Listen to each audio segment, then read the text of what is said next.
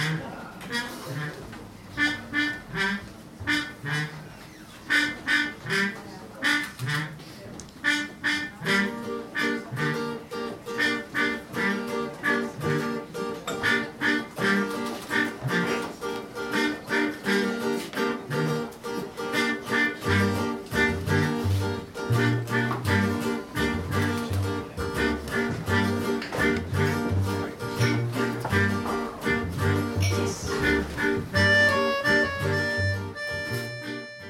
Dit is de podcast van de Voorleesbühne. Het podium voor kort vreemd proza. En dit is de spin-off waarin we een van de schrijvers uitlichten. Mijn naam is Leonard En ik ben Marion. en deze week praten we heel kort met Joke van Leeuwen. Buiten. Ja, ja buiten, buiten de molen. Aan een wankeltafeltje. Ja, tussen de ganzen. Ja.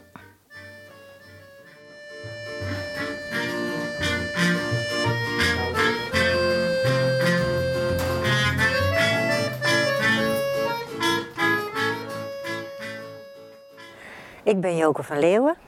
Ik woon in Antwerpen, want ik ben een Neder-Belg. Omdat ik als Nederlandse op mijn dertiende naar België verhuisd eh, was. Ik schrijf en ik teken en ik treed op. En dat doe ik zowel voor kinderen als voor volwassenen. En dat doe ik vanavond ook. Ik schrijf nu in een werkkamer. Ik woon op de zevende verdieping van een appartementsgebouw in het centrum van Antwerpen. En eh, dit is een mooie kamer, 4 bij 4 of zo, met een groot raam. En door dat raam kan ik het, eh, ja, een flink stuk centrum van Antwerpen zien en de kathedraal. Ik heb nu in mijn vensterbank een fototoestel gezet en in allerlei eh, weersomstandigheden. En op verschillende momenten van de dag maak ik nu een foto van de kathedraaltoren. Dus ik denk dat het een mooie eh, kleurencombinatie gaat worden, al die kathedraaltorens. In zo'n werkkamer zit ik dus met een mooi uitzicht. Het is eh, gewoon één kamer in mijn appartement. Gereserveerd om te schrijven. Ja, te schrijven en te tekenen. Ik heb, ook, ik heb er zowel een schrijftafel als een tekentafel staan. Ja. En nog meer natuurlijk. En wanneer schrijf je? Ehm, ik ben een ochtendmens, dus ik sta vroeg op. En ik schrijf eh, eigenlijk, ja, als ik met iets bezig ben, ga ik gewoon na het ontbijt aan mijn bureau zitten en ga ik beginnen. S'avonds zal, zul je me niet eh, aan mijn schrijftafel vinden. Dan, dat is dan wel geschikt voor allerlei administratieve of andere onzin. Of gewoon niks, of een boek, of weet ik wat. Of naar de film. Maar eh, het, echt het geïnspireerd schrijven, dat is, dat is morgens. En meestal ook wel een stuk van de middag. En wat is vroeg? Nou, ik word eh, ergens tussen zes en zeven wakker. En dan blijf ik niet langer in mijn bed rotten, nee. Eruit. Eruit, huppakee, nieuwe dag. Ja. En wissel je schrijven en tekenen af? Of heb je bepaalde periodes dat je schrijft en andere periodes dat je tekent? ja, ik wissel het af, maar eh, per project. Dus eh, eh, ik teken natuurlijk vaak als ik iets voor kinderen maak. Ik ben tegenwoordig ook veel bezig op de Wacom-tablet, dus eh, elektronisch tekenen. Maar ik doe het per project. Als ik met een roman bezig ben, ben ik met een roman bezig en niet met drie andere dingen. Ik heb nu net een, eh, eh, eerst een bundel kinderversjes weer gemaakt, want dat was weer een tijd geleden. En daarna eh, een lang gedicht voor volwassenen. Het is gewoon één lang gedicht, wordt één bundel met één lang gedicht. Het heet Levenslust, een gedicht. En dat zal in het najaar uitkomen van dit jaar. En eh, nu ben ik weer met proza bezig natuurlijk, want de poëzie heb ik weer afgerond. Ja. Dus de kamer wordt goed gebruikt. Die wordt zeer goed gebruikt, ja.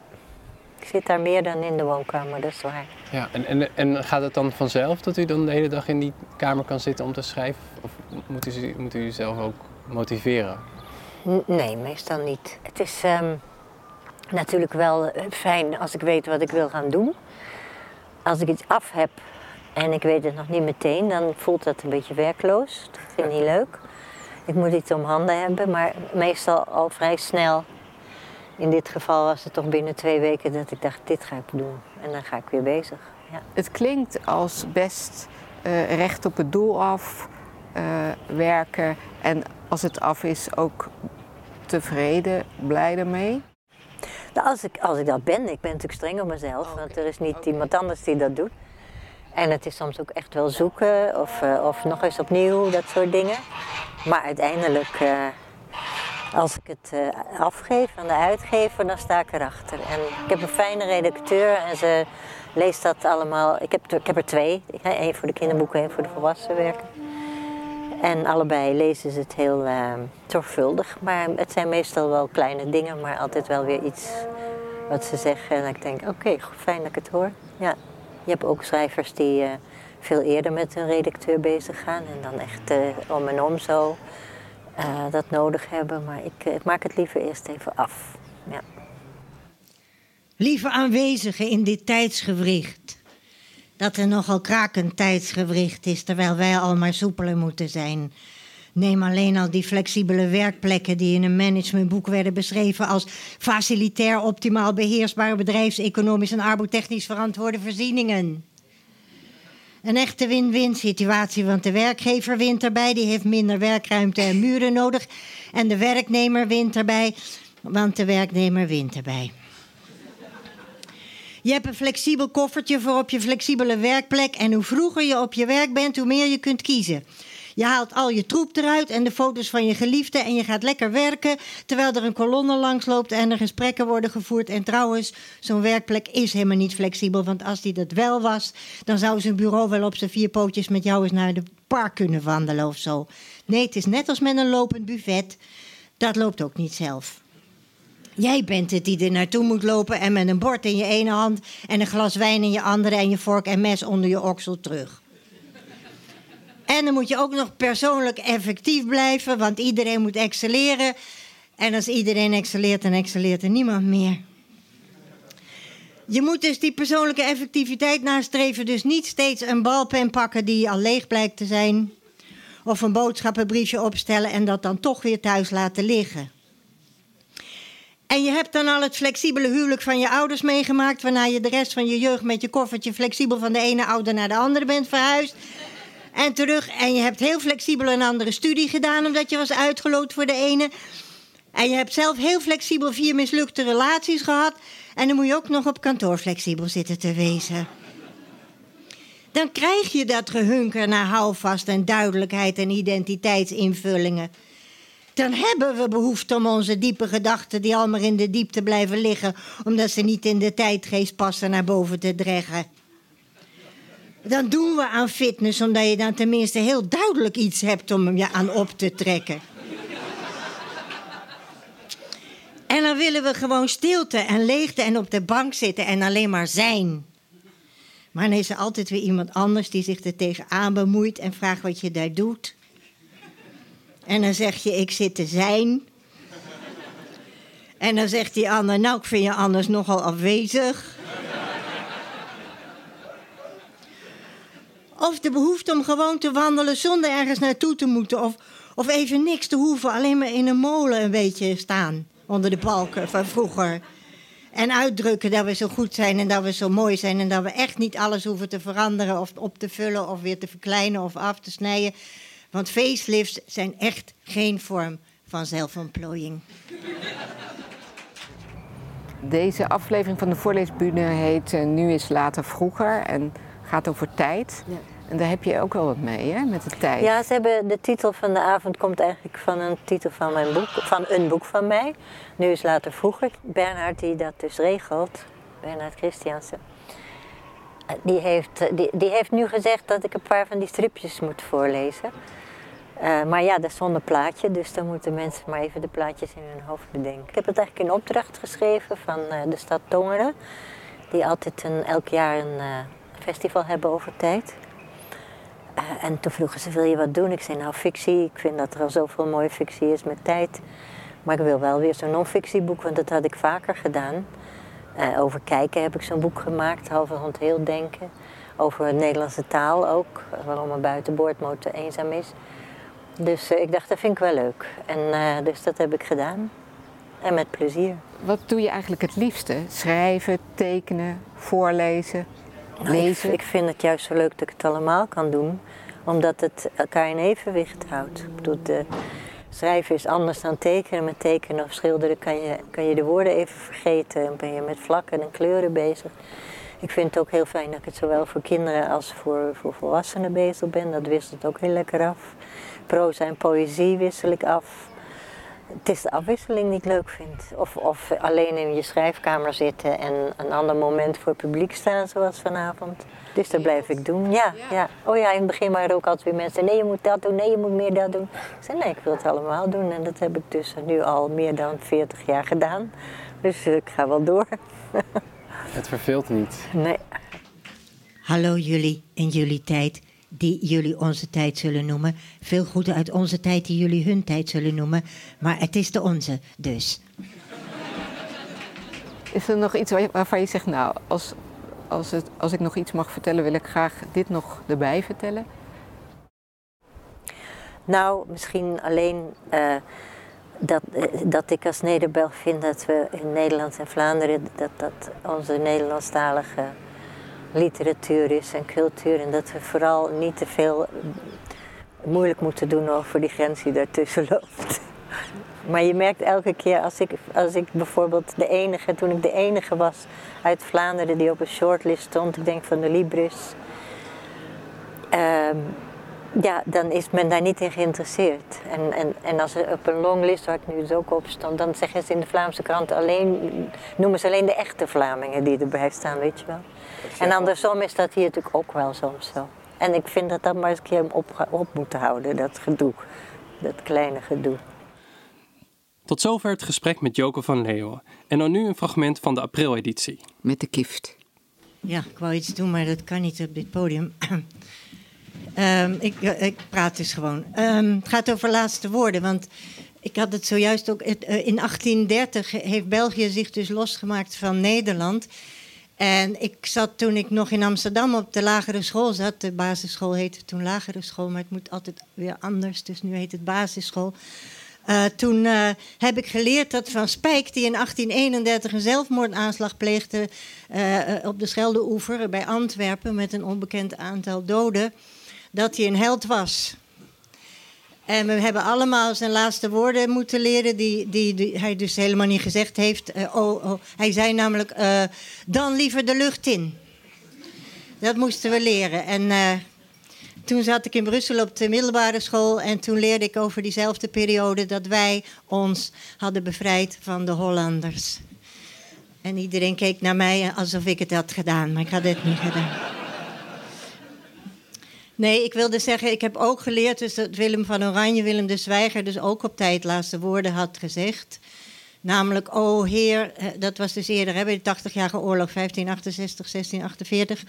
Ehm, toen werd hij doodgeschoten. Tot Delft staat er dan, dus dat is een enorm ver schot. Ehm, eh, en toen had hij dus gezegd als laatste woorden: O Heer, heb medelijden met mij en met dit arme volk. En ik heb al heel lang geleden bewezen dat hij dat nooit kan hebben gezegd, omdat het te veel te lange zin is voor als je dood neervalt. En normaal val ik dan dood neer, maar ik durf het hier niet. Want daar staat van alles. Dus, maar dan snap je, dan kom je, normaal kom je daar niet verder dan... O Heer, heb medelijden met mij. En dat zegt iedereen. Dus ik wil maar zeggen, je moet uitkijken wat je doet als je op tijd eventueel laatste woorden wil zeggen. Als je tijd voorbij is. Het is ook heel gevaarlijk, want ik weet van een man die, die wilde dus eigenlijk eh, als laatste woorden nog een soort biecht afsteken tegen zijn vrouw. Hij wilde eigenlijk tegen zijn vrouw zeggen: ehm, Ik had altijd al iets tegen je willen zeggen. Dat, ik, dat het me enorm spijt dat ik eh, eh, mijn sokken altijd liet slingeren. En dat ik tien keer vreemd gegaan ben. Nou ja, allemaal van dat soort dingen. Maar hij begon niet op tijd. En toen kwam hij niet verder dan: Ik had altijd al iets tegen je.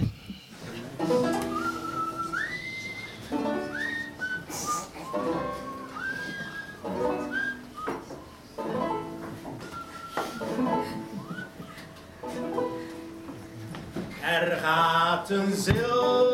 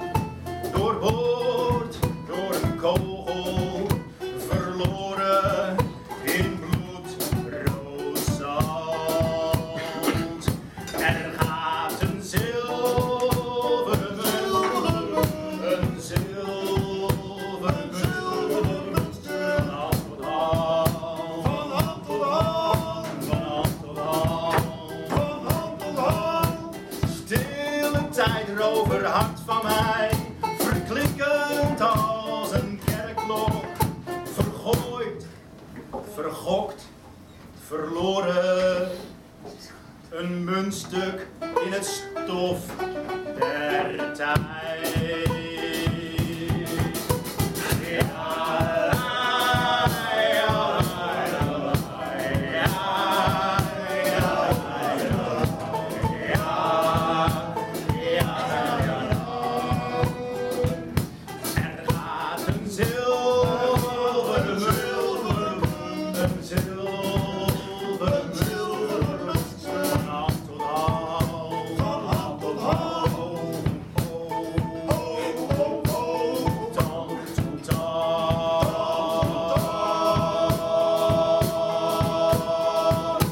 1983. Onze leraar economie mist een vinger. En als we niet goed luisteren, dan wijst hij ons terecht met de vinger die ontbreekt. En als we dan beginnen te lachen, dan wordt hij boos.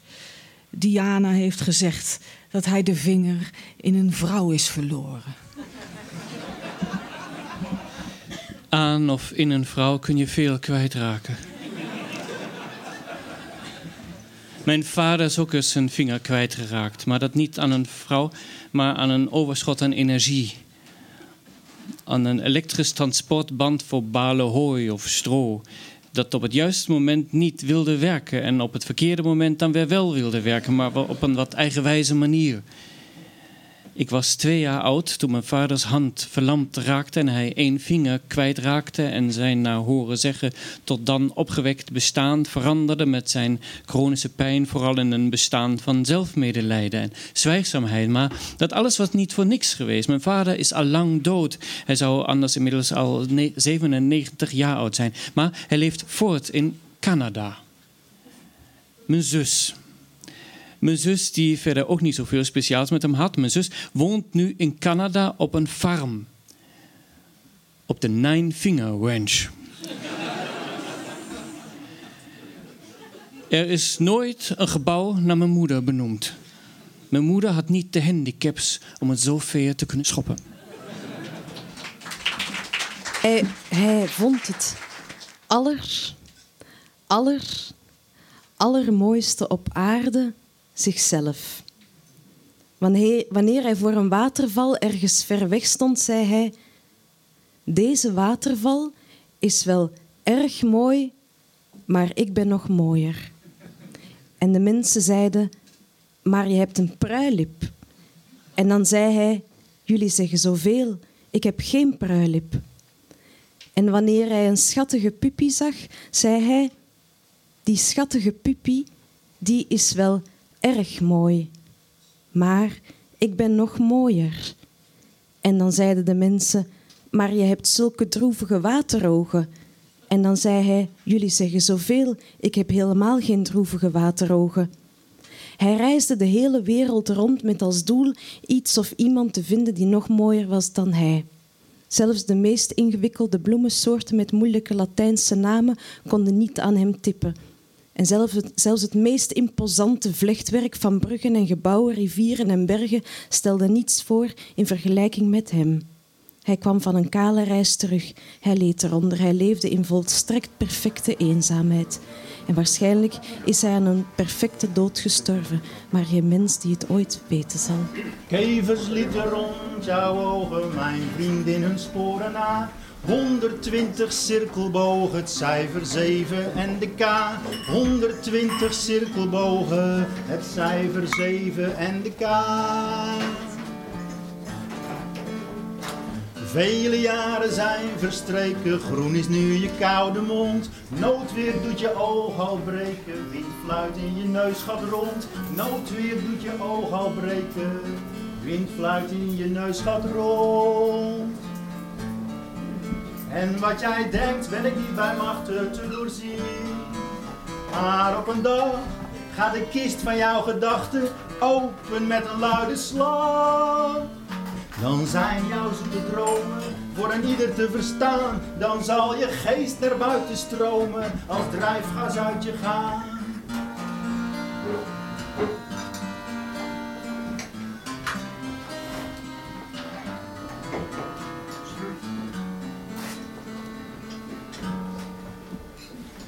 Wil je het verlangen wachten dat van boven nederdaalt tot je adem je gedachten diep in jou in woord vertaalt tot je adem jouw gedachten diep in jou in woord vertaalt. Ingehouden als we leven, tellen we de dagen niet. Maar elk jaar is het of je even de minuten scherper ziet. Elk jaar is het of je even de minuten scherper ziet. En wat jij denkt ben ik niet bij machten te doorzien. Maar op een dag gaat de kist van jouw gedachten open met een luide slag. Dan zijn jouw zoete dromen voor een ieder te verstaan. Dan zal je geest er buiten stromen als drijfgas uit je gaan.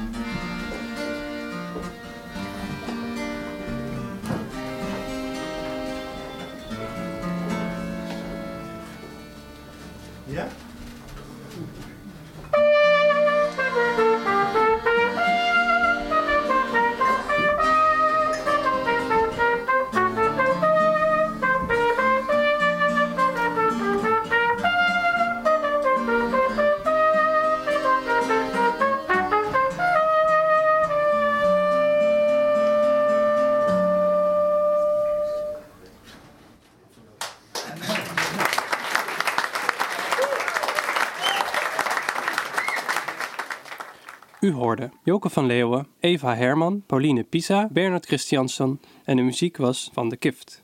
Frank Leenders en Kanaal 30 bedankt voor het gebruik van de soundcontainer. Deze podcast werd gemaakt door Marion van Laarhoven en Leonard Borro.